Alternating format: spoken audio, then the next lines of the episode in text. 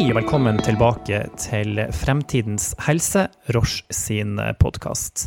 I denne episoden har vi med oss Andreas Stensvold som gjest. Stensvold er kreftspesialist, overlege og avdelingssjef på kreftavdelinga ved Sykehuset Østfold Kalnes. Dr. Stensvold, du er med oss over telefonen i dag. Hjertelig velkommen til podkasten. Takk skal du ha. Du har jo eh, i det siste måttet håndtert en veldig krevende eh, situasjon eh, på, på avdelinga di. En truende pandemi, samtidig som du har hatt alvorlig syke pasienter å, å, ta hånd om. Kan du fortelle litt om hvordan denne situasjonen har vært eh, på Sykehuset Østfold? Ja, På en måte så har det vært veldig surrealistisk. Eh, jeg fulgte veldig tett med mediebildet fra årsskiftet og så hvordan det var, utviklingen ble i Kina. Eh, og jeg diskuterte litt med min lille ledergruppe hva gjør vi hvis dette kommer til Norge. Da begynte vi faktisk allerede å legge planer for, eh, for hvordan vi skulle tenke behandlingen. Og så kom det mye raskere og på en mye mer aggressiv måte, i hvert fall inn mot begynte jeg å bli litt, eh, for å si det på godt norsk, litt skuggredd. Så det vi har brukt, brukte mye av tiden eh, fra midten av mars, det var å legge, ned, eh, legge planer. Eh, vi valgte å ta ned systemisk kreftbehandling for de som fikk palliativ behandling i tre dager, for å jobbe både med planer, jobbe med trening av ansatte. For det er viktig for meg å beskytte mine ansatte på best mulig måte og få en oversikt. Eh, når det var på plass, eh, og vi hadde fått rigga et eget eh, covid-tun hvis situasjonen ble sånn. Og så er jo Sykehuset har jobbet også parallelt med å opprette et eget covid-mottak av pasienter. Og vi måtte avlaste en del av de andre avdelingene hvor også kreftpasienter lå. Vi har jobbet mye med, med gode strukturer, få på plass hjemmesykehus, få på plass eh, logaritmer for behandling. Eh, eh, ja, hvordan skal du drifte poliklinikk med færre oppmøter, få på plass videokonsultasjoner? Vi har drevet med en del innovasjonsprosjekter fra tidligere. så Sånn sett var vi godt i gang egentlig med ny teknologi på avdelingen. Men det krever jo å være leder og å være ansvarlig for da 150 stykker. Det er det jeg nok tenkt mest på. Hva hvis noen av mine blir smittet og dør under pandemien. Eh, det er mitt mm. ansvar å i hvert fall forsøke å beskytte de i størst mulig utstrekning. Og En periode, og fortsatt, eh, så sliter vi jo med at det kan være mangel på eh, beskyttelsesutstyr.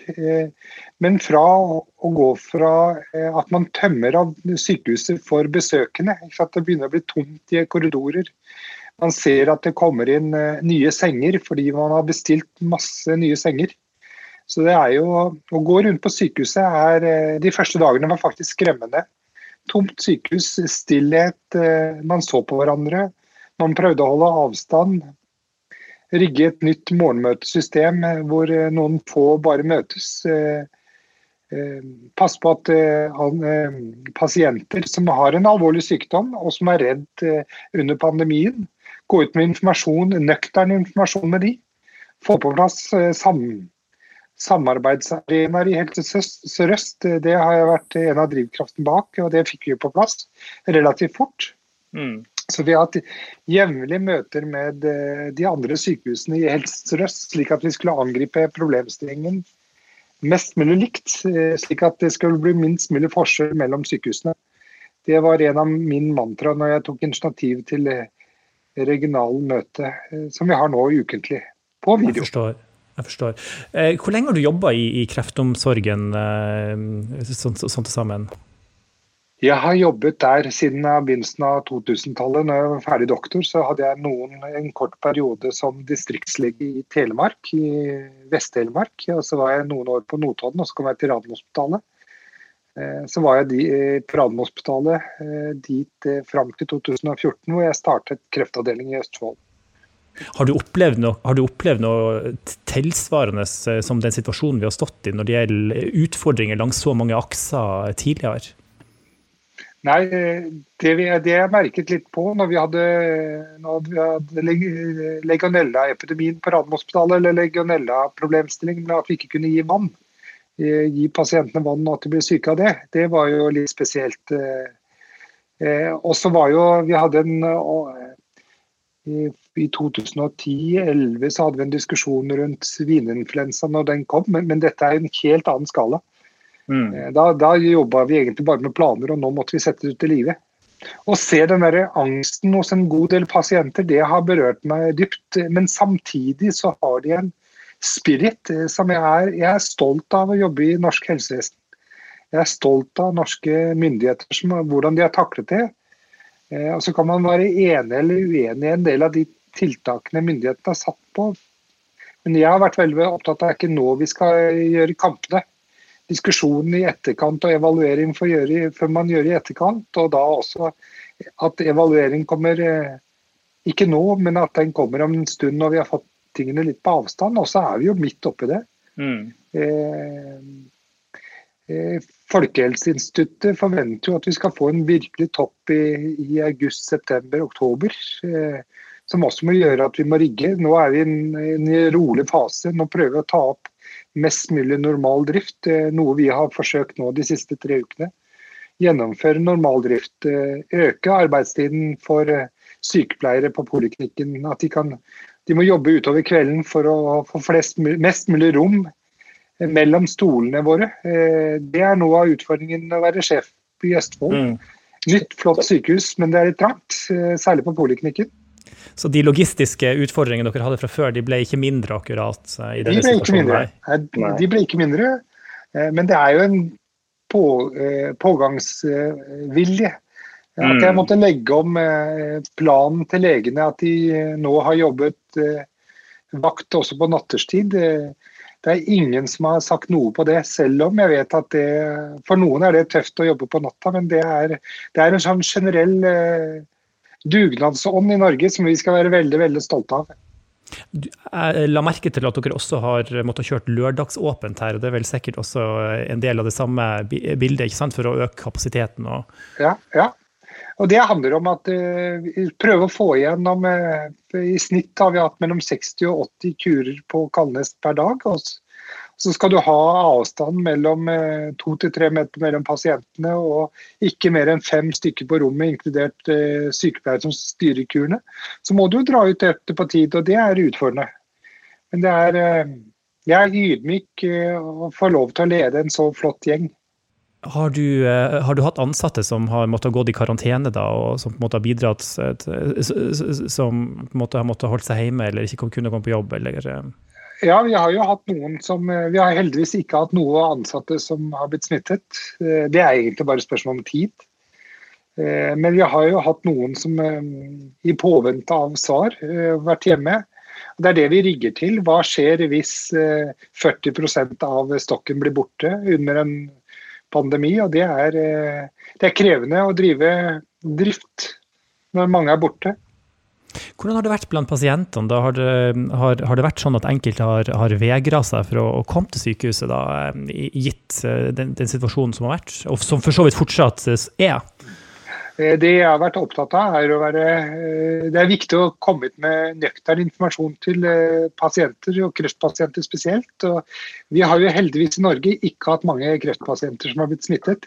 Men det er nok takket være at de har vært så flinke å isolere seg hjemme. At de har fått pårørende til å handle for seg og jobbet med eh, god eh, håndhygiene. Eh, men jeg ser jo på sengeposten vår har vi ca. 20% færre innleggelser enn det vi har hatt nå. Eh, mellom 30 og 20% og Det handler nok at de aller sykeste velger å være hjemme eller får hjelp via ny teknologi, sånn som nå med videoskype eh, opp mot pasienter hjemme. Palliative teamet vårt har jobba veldig opp mot ny teknologi, gitt godt, gode råd til sykehjemmene. Poliklinikken har vi sett noen pasienter som ikke ønsker å møte, så vi har eh, nå tilbud om videokonsultasjoner og telefonkonsultasjoner, og det blir mottatt eh, veldig, veldig godt. Og så har jeg vært litt bekymret for at man har dratt ned screeningen. Mm. Brystscreeningen og underskrivning for kvinner. Eh, den er det viktig at man får på plass raskest mulig, eh, slik at etterslepet ikke blir for stort. Eh, Når det gjelder kliniske studier, har du kunnet fortsatt der, eller har de også blitt satt på hold? Vi, det vi har sagt, at vi har ikke startet med noen nye kliniske studier. Men vi har prøvd å opprettholde de kliniske studiene vi har startet, men med en viss modifikasjon. Da. Det, det, krever jo en del ressurser også fra andre tjenester som har hatt eh, både røntgenavdelingen og laboratoriet har jo drevet mye med tester og jobba med, med, covid og få på plass rutiner, så de har ikke hatt så stor kapasitet. Eh, og det må vi ta hensyn til. Nå har jo helseministeren eh, oppfordra sykehusene rundt omkring i Norge til forsøksvis å eh, komme tilbake til eh, etter hvert en mer normal drift. Hvor lang tid tror du det vil ta før man, før man klarer det? Ja, På kreftavdelingen så har vi nå egentlig de siste tre-fire ukene hatt så å si normal drift. Eller forsøk, da. Vi er vel oppe i en 90% av kurene, sånn grovt. Eh, og Det er kanskje der vi skal være når vi, når vi går litt nøktern gjennom kuren også. Men generelt i helsevesenet vil dette ta tid. Jeg tror ikke vi, vi må nok langt utpå høsten før vi er oppe i virkelig den, den kapasiteten vi hadde før pandemien. For å være mm. helt ærlig. Ja, for det er jo også sånn at Situasjonen er jo på mange måter heller ikke over. Nei, og tvert imot. Det, det tror jeg er viktig nå. Det er eh, det har vært kjempeviktig for meg å, å, å, gå ut til generelt befolkning. Nå er det viktig å holde avstand. Ja, Barnehager og skoler åpner nå, fysioterapi og, og litt eh, Det blir litt enklere, men likevel. Nå er det kjempeviktig at man er nøye med håndhygiene. Kjempeviktig med avstand til hverandre. Eh, for hvis vi slipper opp der, så vil vi få en rask økning av antall smittede i Norge. Og da kan det hende at helsevesenet relativt fort knekker. Syns du at man har gått for fort fram med å starte gjenåpninga av samfunnet, eller? Jeg tror det er riktig strategi. Eh, nå skal man være veldig ydmyk, eh, og man skal ikke være skråsikker i denne situasjonen. Men eh, så vidt jeg klarer å lese tallene, så mener jeg den strategien man har valgt per nå, er riktig. Men å gjenta at pasienter i risikosonen skal holdes mest mulig hjemme, unngå kollektivtransport, få hjelp til handling. Eh, omgås med barnebarn via Skype og ny teknologi, og ikke fysisk treffe de som vi er vant til. Eh, holde avstand.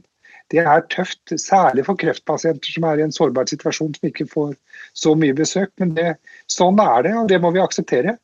Så tror jeg det er viktig også at vi, vi tør å snakke om at eh, hvis vi får en virkelig Eh, vekst av eh, covid-pasienter som trenger eh, intensiv behandling, ja, det kan hende at ikke kreftpasienter får det tilbudet de får i dag.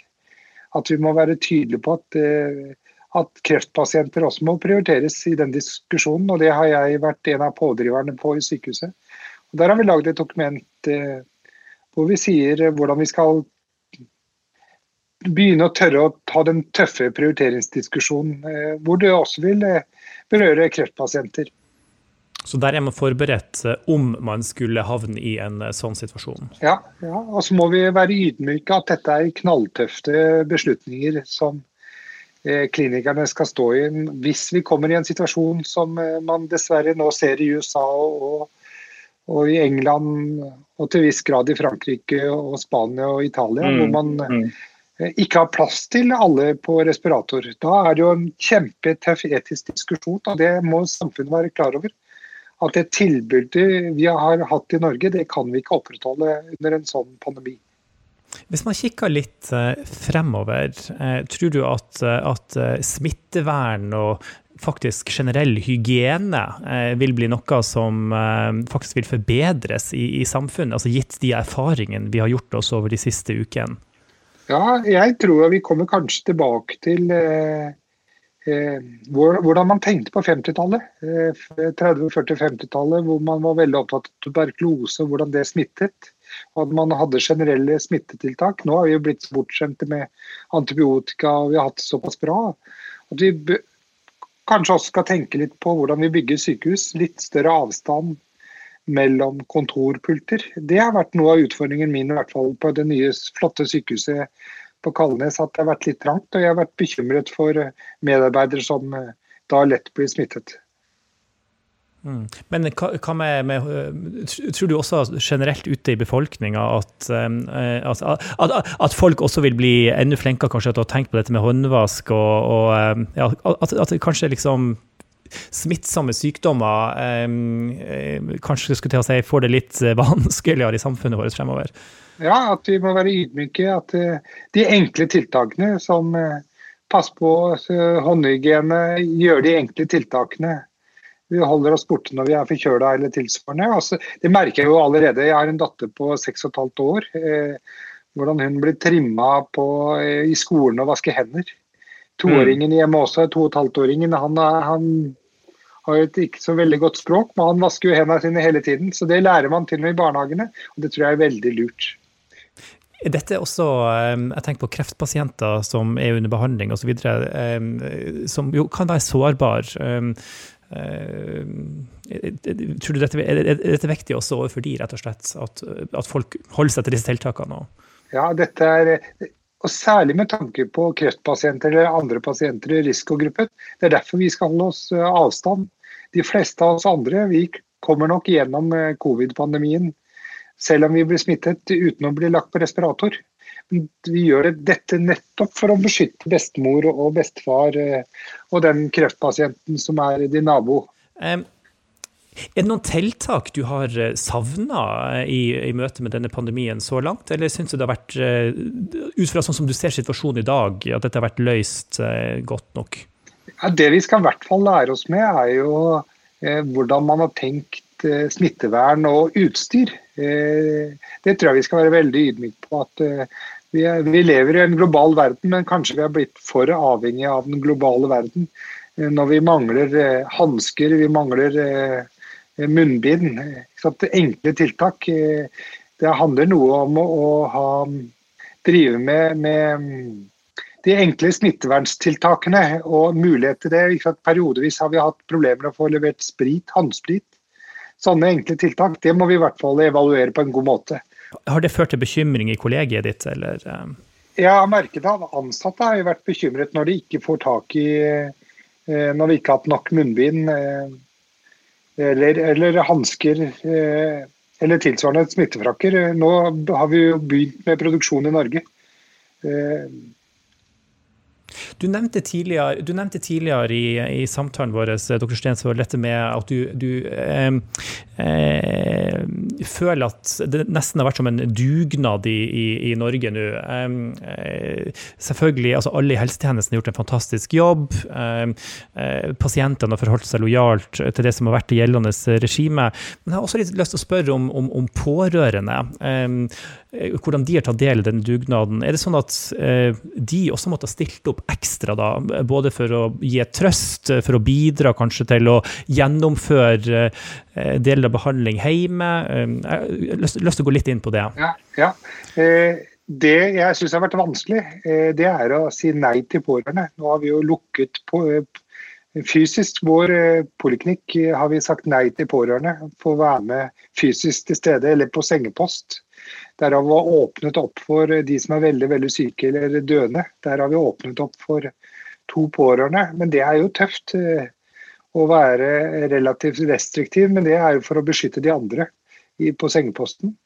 Så vet jeg jo at pårørende har gjort en fantastisk jobb hjemme eh, ved å handle og, legge til rette.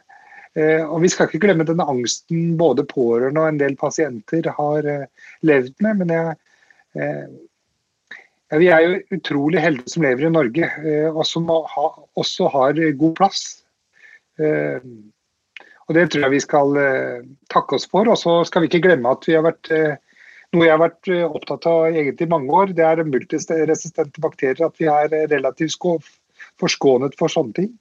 De har nok bidratt også til økt dødelighet både i Spania og i, til viss grad i Frankrike, og helt sikkert i Italia. Hvordan har samarbeidet vært mellom de ulike medisinske disiplinene? Eh, mellom eh, dere som jobber i onkologien, eh, mellom intensivavdeling, mellom infeksjonsmedisinerne?